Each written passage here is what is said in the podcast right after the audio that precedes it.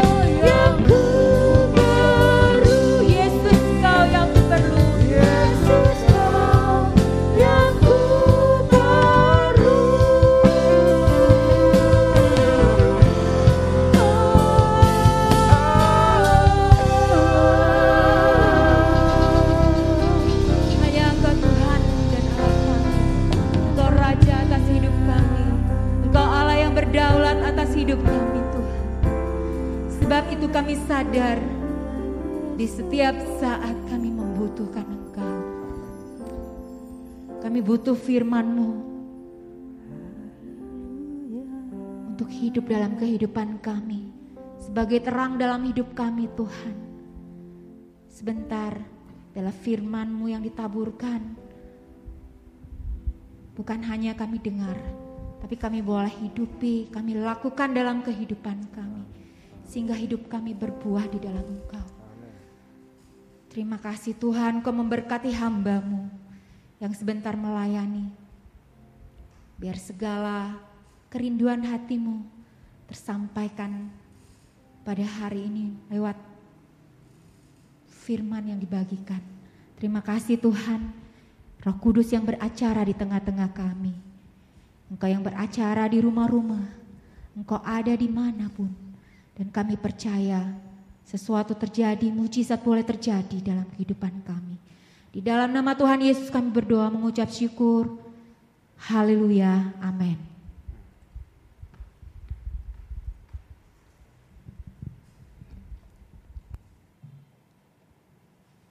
Ya, shalom Bapak Ibu Saudara yang sangat dikasihi Tuhan.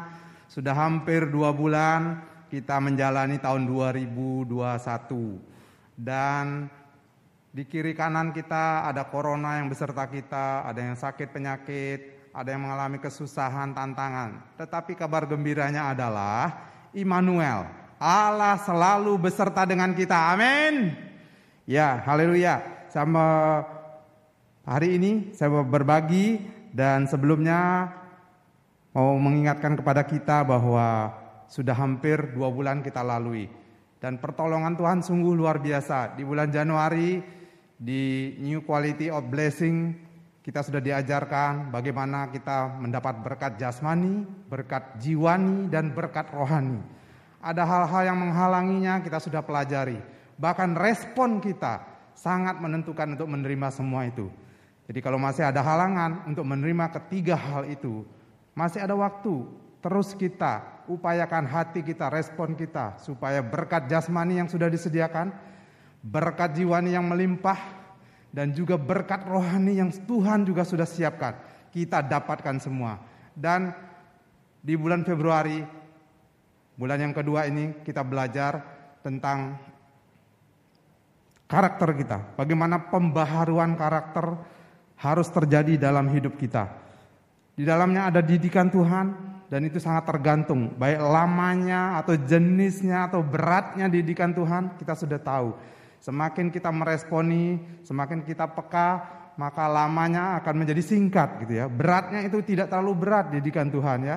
Bahkan Tuhan akan mendidik kita pas dan tepat pada waktunya gitu ya. Kemudian karakter hati kita itu sangat menentukan respon kita. Kalau kita mengeraskan hati seperti kain, kita tahu akibatnya. Tapi Yefta orang yang terbuang, dia meresponi dan dipakai Tuhan secara luar biasa. Nah, hari Minggu kemarin kita baru saja mendengarkan tentang bagaimana sekolah karakter gitu ya. Jadi karakter itulah satu-satunya yang akan kita bawa ke surga. Jadi betapa pentingnya itu ya. Jadi harta benda, kekayaan, bahkan pasangan hidup, anak-anak itu tidak kita bawa mereka punya tanggung jawab sendiri. Tetapi karakter kita yang kita lakukan itulah yang akan kita bawa ke surga. Itu pengajaran yang minggu lalu dan hari ini judulnya adalah benih ke Oke. Saya ambil dari benih ilahi dan ayatnya dari Kolose 1 ayat 15 dan 16. Dua ayat saja ya. Kolose 1 ayat 15 dan 16 bunyinya seperti ini. Ia adalah gambar Allah yang tidak kelihatan, yang sulung lebih utama dari segala yang diciptakan, karena di dalam dialah telah diciptakan segala sesuatu yang ada di sorga dan yang ada di bumi, yang yang tidak kelihatan, baik singgah sana maupun kerajaan, baik pemerintah maupun penguasa. Segala sesuatu diciptakan oleh Dia dan untuk Dia. Ini tulisan Rasul Paulus kepada jemaat di Kolose. Saya bacakan yang versi mudah dibaca. Tadi itu yang terjemahan baru ya, versi mudah dibaca seperti ini. Melihat Kristus berarti melihat Allah. Tidak ada orang yang dapat melihat Allah, tetapi Yesus sungguh-sungguh menyerupai Allah. Ya, karena Yesus itu Allah. Kuasa atas semua yang sudah diciptakan. Segala sesuatu di surga dan di bumi dibuat dengan perantaraannya, yaitu yang kelihatan dan yang tidak kelihatan. Semua kuasa rohani, raja-raja, tuan-tuan, dan para penguasa, segala sesuatu dibuat melaluinya untuk Dia. Jadi, sungguh luar biasa ya Memang di sini dikatakan tidak ada orang yang dapat melihat Allah. Tetapi Tuhan Yesus mengajarkan di kitab Matius, siapa yang suci hatinya, dia akan melihat Allah. Dan kita nggak bingung lagi Allah itu seperti apa, yang mana. Karena ketika melihat Yesus, kita melihat Allah. Jadi benar-benar tidak bingung, udah pasti gitu ya. Oh, apalagi yang hidup zaman Yesus itu ya, yang hidup bersama-sama dengan Tuhan Yesus gitu ya. Dari hari ke hari para murid-murid dia bergaul. Tapi mereka juga kadang-kadang tidak mengenal. Suatu kali suatu peristiwa bahkan dikatakan ini siapa ya? Ini hantu apa Tuhan gitu ya? Bingung mereka ya. Mereka yang sudah bergaul bingung. Tapi bersyukurlah kita di akhir zaman ini karena kita diberi penyingkapan. Kalau kita melihat Yesus, kita melihat Allah. Itu kata Tuhan Yesus di kitab Matius ya. Nah, Bapak Ibu Saudara yang dikasihi Tuhan, di Kolose 1 ayat 15 sampai 16 ini, semua ciptaan itu diciptakan oleh Tuhan dan berasal dari benih. Kalau manusia menciptakan barang-barang apa pun bentuknya ya, mic mungkin, eh, pointer, mimbar, itu dari bahan-bahan yang sudah ada. Kaca ini sudah ada di alam, jadi tinggal diolah. Besi ini sudah ada di alam, tinggal diolah. Itu benih. Tapi benih ilahi itu luar biasa ya, seperti gambar itu ya. Ini saya bawa benih. Ini namanya eh, batunya alpokat. Bijinya alpokat gitu ya. Seperti ini. Suatu kali saya kasih seseorang di sini ya, ditanam dan sudah berbuah. Sudah berbuah. Buahnya tuh seperti ini gitu ya, gede-gede ya, gede-gede. Tuhan tuh luar biasa. Satu biji alpukat, satu bijinya ini ketika dia ditanam di tanah, dia hidup menjadi satu pohon dan menghasilkan banyak sekali buah. Luar biasa, itu mujizat yang Tuhan buat yang kita rasa seperti biasa saja. Biasa saja, oh itu pohon sudah biasa seperti itu. Tapi kalau Tuhan tidak memberi kemampuan pada benih ini, dia tidak akan bertumbuh. Nah, benih ilahi hubungannya adalah kita ya. Kita ini manusia. Kita benih kita tadi itu kalau kita baca ayatnya tadi adalah semua segala sesuatu diciptakan oleh Dia dan untuk Dia. Nah, itu tekanannya pada hari ini ya. Kita lihat dulu pertumbuhan manusia seperti itu ya. Dari bayi gitu ya. Kemudian bertumbuh menjadi anak-anak remaja yang semangat, yang sukacita gitu ya. Bertumbuh menjadi seorang pemuda gitu ya. Sambil sekolah lalu kuliah bahkan sudah pakai toga, sudah sarjana gitu ya. Tamat. Lalu bekerja, lalu menikah. Setelah punya anak, lalu menjadi tua, punya cucu, dan akhirnya dipanggil Tuhan. Kalau hanya siklus itu saja yang terjadi, kayaknya ada yang kurang lengkap tuh. Karena Tuhan katakan tadi bahwa segala sesuatu diciptakan oleh Dia dan untuk Dia. Nah, apakah kita akan berakhir sampai di situ saja setelah dari kecil sampai tua duduk di kursi tidak mampu apa-apa lalu tinggal tengkorak saja begitu ya ketika kita sudah ditanam atau apa gitu ya maka betapapun kuatnya, betapapun cantik atau gantengnya, tinggal kerangka seperti tengkorak seperti itu ya. Mungkin tulang-tulang kita yang masih bertahan, yang lainnya sudah lenyap gitu ya. Tapi kita perlu sadari, sebelum masa itu tiba, bahwa Tuhan menciptakan kita dan ada yang terpenting itu, yaitu untuk Tuhan. Nah, untuk Tuhan, saya diciptakan untuk Tuhan. Emang saya bisa apa? Wah, kita dalami lagi ya, kita dalami ini ya. Jadi manusia itu ada sel-selnya, sel-sel tubuh ya yang kecil-kecil itu, ada DNA, ada kromosom. Itu kalau dilukiskan, dilukiskan tuh seperti itu. Raja Daud dapat hikmat dari Tuhan yang luar biasa. Engkau menenun aku dalam kandungan ibuku. Persis seperti tenunan seperti itu ya. Nah ini mungkin kita sudah sering dengar. Tapi ada satu lagi. Eh, namanya laminin.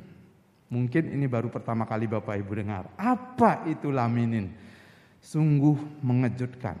Laminin itu adalah, nah itu gambarnya. Sekilas Bapak Ibu tangkap, baru melihat gambar itu gambar apa Bapak Ibu? Gambar salib. Duh, kenapa gambar salib? Apa itu laminin gitu ya? Laminin itu fungsinya seperti lem seperti lem. Jadi sel-sel tubuh, DNA, kromosom itu diikat namanya oleh laminim. Gambarannya seperti salib seperti itu. Wow, jadi benar-benar Jadi uh, Rasul Paulus juga mengajarkan seperti ini. Kita ini buatan Allah. Diciptakan dalam Kristus Yesus. Itu bukan omong kosong belaka. Ternyata laminin sel-sel yang ada di dalam tubuh kita itu diikat oleh ini. Jadi dalam bahasa Inggrisnya seperti ya, He is before all thing. Jadi Yesus itu before all thing and in him all thing whole together. Jadi dalam Yesus itu diikat semuanya. Itu yang mengikat sehingga kita hidup. Nanti ketika manusia itu mati, ketika manusia itu mati maka rohnya kembali dan laminin ini hilang, kita kembali menjadi debu. Seperti itu ya. Jadi ilmu kedokteran dalam penelitiannya menemukan hal-hal yang luar biasa. Puji Tuhan. Jadi betapa kita harus menyadari ternyata kita ini adalah benar-benar buatan Allah diciptakan dalam Kristus Yesus. Ada tujuannya tadi untuk dia. Nah saya lihatkan Bapak Ibu waktu-waktu yang kita hadapi dalam kehidupan kita ya. Kita sudah belajar bulan lalu. Ada kronos, ada kairos, ada aion gitu ya. Nah apa itu? Kronos itu adalah waktu kita. Kayak sekarang ya, Januari, Februari. Nanti bulan depan kita masuk Maret. Itu namanya Kronos. Lalu Kairos itu apa? Kairos itu adalah dalam masa hidup saya. Dalam masa hidup saya, sekarang tahun ke-54.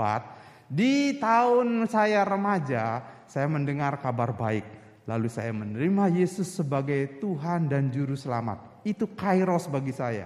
Di sana saya mengalami perubahan. Di sana saya mengalami keyakinan dalam hidup, baik hidup sekarang maupun hidup yang akan datang. Nah, setelah menghadapi masa hidup itu, nanti manusia semua akan kembali. Debu akan kembali menjadi debu.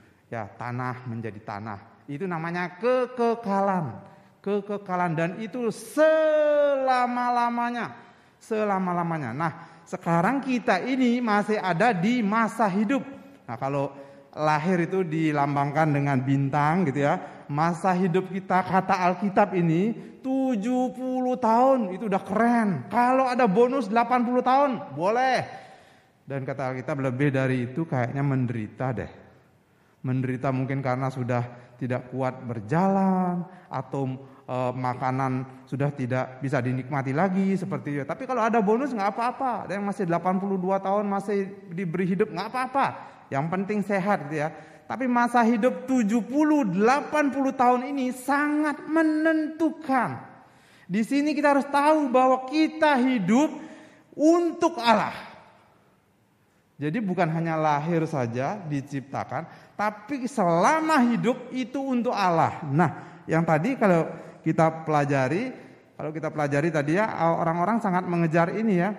Jadi ketika dia dari bayi punya anak bertumbuh dia makin besar disekolahkan. Kalau saya pernah bertanya dengan seseorang, kalau kamu sudah tamat kuliah mau apa? Oh saya mau kerja. Kalau sudah kerja mau apa? Menikah. Kalau sudah menikah punya anak. Kalau terus kalau dilanjutkan ya seperti itu. Jadi kakek punya cucu dan lain-lain. Apakah seperti itu saja? Ternyata tidak. Tidak seperti itu saja. Dalam masa yang sangat penting, tapi sangat pendek ini. 80 tahun itu pendek loh Bapak Ibu. Hampir tidak terasa nanti ya. Saya tiba-tiba sudah 54. Generasi di bawah saya sebentar lagi udah umur 50-an. Enggak terasa. Benar-benar begitu cepat waktu berlalu. Kalau saya misalnya tahun 2045 100 tahun Indonesia merdeka, itu saya ada umur berarti 81. Wah, cepat sekali itu 81. Kalau Tuhan masih beri umur panjang, saya akan melihat 100 tahun Indonesia merdeka, gitu ya. Dan waktu kita hidup ini sangat penting. Itu yang harus diisi. Sudahkah hidup kita ini kita peruntukkan untuk Tuhan? Sebab bunyinya ayatnya kan seperti tadi ya. Jadi segala sesuatu diciptakan oleh Dia dan untuk Dia. Jadi hidup kita ini benar-benar harus untuk Tuhan. Terjemahan lainnya yang mudah dibaca, segala sesuatu dibuat melalui Dia, melalui Kristus dan untuk Kristus. Coba Bapak Ibu ingat-ingat hari-hari yang sudah berlalu karena Tuhan mengajarkan kepada kita ya. Kalau tadi uh, eh, WL uh, eh, memimpin pujian mengatakan tiap jam aku perlu Tuhan. Betul. Tiap menit juga perlu Tuhan. Tapi supaya kita beroleh hati yang bijaksana, Tuhan mengajarkan kepada kita, ajar kami Tuhan menghitung hari-hari agar kami beroleh hati bijaksana. Jadi Tuhan mengajar kepada kita ketika kita tiba di malam hari, tiba waktu istirahat, sebelum bablas gitu ya, sebelum tertidur, kita merenung sejenak apa yang sudah kulakukan hari ini. Apakah semua sudah untuk Tuhan? Uh, kalau sudah puji Tuhan. Kita tinggal menikmati nanti hasilnya. Tapi kalau belum, hari kemarin, kemarin lusa, belum ternyata untuk Tuhan, hanya untuk kepentinganku sendiri saja. Maka hari ini adalah hari yang tepat di mana kita harus menyadari bahwa hidup kita, hari-hari kita yang sangat singkat itu harus kita persembahkan untuk Tuhan supaya benih benih alpukat ini ketika dia rela mati dan ditanam di tanah. Dia bertumbuh menjadi pohon dan menghasilkan buah-buah yang matang, buah-buah yang enak untuk dimakan. Demikian juga kita. Kita ini buatan Allah diciptakan dalam Kristus Yesus untuk melakukan pekerjaan-pekerjaan baik yang sudah dipersiapkan oleh Tuhan. Ini sangat perlu. Jadi Bapak Ibu, saudara-saudara dan juga teman-teman, sudahkah kita mengetahui bahwa dalam hidup kita ini seluruhnya harus dipersembahkan untuk Tuhan. Dia yang sudah menciptakan kita dengan cara yang sangat ajaib. Ketika Tuhan menciptakan hari pertama terang, dia hanya berfirman, "Jadilah terang." Dan terang itu jadi. Semuanya itu baik. Hari kedua Tuhan menciptakan, jadilah cakrawala. Jadi cakrawala. Memisahkan air yang di atas dan air yang di bawah. Dan hari ketiga Tuhan menciptakan daratan, lautan, dan tumbuh-tumbuhan. Termasuk avokat gitu ya. Dan jadi semuanya sangat baik. Hari keempat, wah sungguh dahsyat ya. Tuhan menciptakan matahari, bulan, bintang-bintang yang ada sangat banyak di angkasa. Hanya dengan berfirman, jadi. Dan itu jadi. Sungguh luar biasa. Hari ke-6, hari kelima dulu ya. Hari kelima, Tuhan menciptakan ikan di lautan, di air, di mana saja. Tuhan menciptakan burung yang bisa terbang di udara, di mana saja semuanya indah. Tiba akhirnya hari ke-6, Tuhan menciptakan ternak-ternak dan binatang yang ada di darat. Itu semua diciptakan Tuhan. Semua dengan berfirman. Tetapi waktu menciptakan manusia yang disebut sebagai mahkota ciptaan, dia tidak berfirman. Dia sing-singkan lengannya. Dia ambil batu. Eh, bukan, dia ambil tanah. Dia ambil tanah. Lalu dia bentuk seperti manusia. Dan belum bisa apa-apa. Supaya bisa apa-apa, maka ciptaan Tuhan yang terakhir nanti yang namanya manusia itu ditiup dan diberi nafas. Dan manusia itu hidup. Kenapa manusia itu hidup? Karena diberi nafas oleh Tuhan, diberi roh oleh Tuhan. Dan itu ada tujuannya. Tuhan menciptakan kita supaya kita hidup untuk Tuhan. Jadi apa pun pekerjaan Bapak Ibu Saudara sekarang, apa pun aktivitas Bapak Ibu sekarang, hidup kita untuk Tuhan. Seorang pelajar, hiduplah untuk Tuhan. Engkau menjadi pelajar yang luar biasa. Mahasiswa seperti itu juga. Engkau menjadi mahasiswa yang luar biasa. Ketika engkau sudah bekerja, bekerjalah untuk Tuhan. Karena itu nilainya kekal. Itu yang diajarkan kita. Jadi pagi hari, hari ini kita belajar, kita pakai waktu yang kita miliki yang sangat singkat dan berlalu begitu cepat ini supaya kita gunakan untuk Tuhan. Supaya ayat yang tadi kita baca tergenapi. Kita diciptakan di dalam Tuhan, oleh Tuhan, dan untuk Tuhan. Mari kita bersama-sama menaikkan pujian. Kau telah memilihku sebelum dunia dibentuk. Coba kita lihat, Bapak Ibu, lihat kata-kata yang ada di sini ya. Jadi kau telah memilihku sebelum dunia dibentuk. Bayangkan itu Bapak Ibu, dunia belum ada. Tapi Tuhan sudah tahu siapa kita. Jadi betapa kita harus bersyukur kepada Tuhan Allah kita. Dan dia memanggil kita sebagai alat kerajaan Allah. Jangan lupa itu Bapak Ibu, hidup Bapak Ibu sekarang adalah alat kerajaan Allah. Kita bersyukur kepadanya ya. Bahkan di ending dari pujian ini adalah kita menjadi mesbah doa. Supaya apa?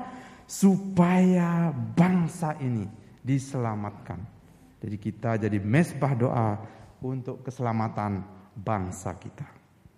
Haleluya. Kau telah memilihku sebelum dunia dibentuk betapa aku bersyukur padamu ya Tuhan. Allahku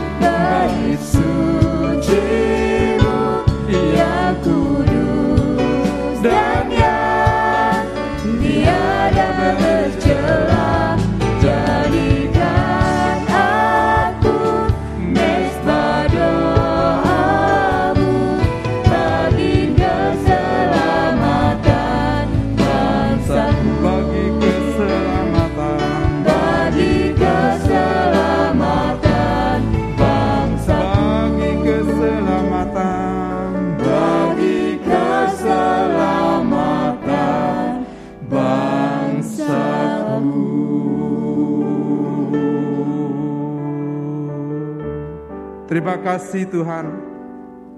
Ketika kami ingat bagaimana Engkau menciptakan alam semesta, jagat raya beserta manusia. Betapa luar biasanya kami. Kami yang ada di bumi yang sangat kecil jika dibandingkan dengan alam raya ini. Tuhan perhatikan. Bahkan kami yang sangat kecil, sekecil debu di alam raya ini, Tuhan perhatikan. Bahkan Tuhan tebus kami.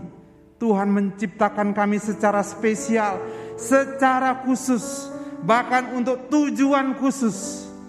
Kami tahu betapa hidup kami ini sangat berharga, sehingga ketika kami jatuh di dalam dosa, Tuhan datang dan menebus kami, menyelamatkan kami, supaya kami kembali mendapatkan kehidupan yang sudah dirancangkan dari awal Terima kasih Tuhan Yesus, karyamu yang luar biasa sudah kami rasakan.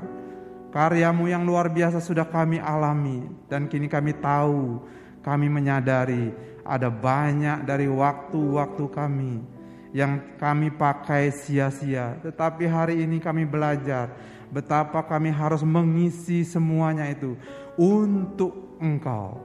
Karena kami diciptakan untuk Engkau. Sesungguhnya Tuhan memberi kami kehidupan. Kami boleh menikmati kehidupan ini, tapi yang harus kami lakukan adalah semua hanya untuk Engkau. Apa yang kami kerjakan supaya memuliakan namamu. Apa pun aktivitas kami, kegiatan kami, apa pun pekerjaan dan fungsi kami di keluarga. Kami sangat percaya, kami sangat percaya Tuhan memberi kami kemampuan. Bahkan di tengah-tengah kesulitan seperti ini kami ingat, kesulitan boleh ada, tapi tujuan kami diciptakan adalah untuk Tuhan. Itu harus terus kami lakukan dalam pekerjaan kami, dalam hidup rumah tangga kami, dan apa pun yang Tuhan percayakan kepada kami, itu semuanya adalah hal-hal yang bersifat fana, yang harus kami pertanggungjawabkan nanti adalah kehidupan kami. Bagaimana kami mengisi hidup kami yang telah Tuhan berikan ini. Terima kasih. Hari ini kami belajar dan kami percaya Tuhan yang memberi kekuatan, kemampuan, dan hikmat kepada kami menjalani hari-hari kehidupan kami, supaya tidak ada yang sia-sia. Kalaupun kami melakukan berbagai kesalahan, kurang taat, kami berdoa hari ini, Tuhan, penolong kami.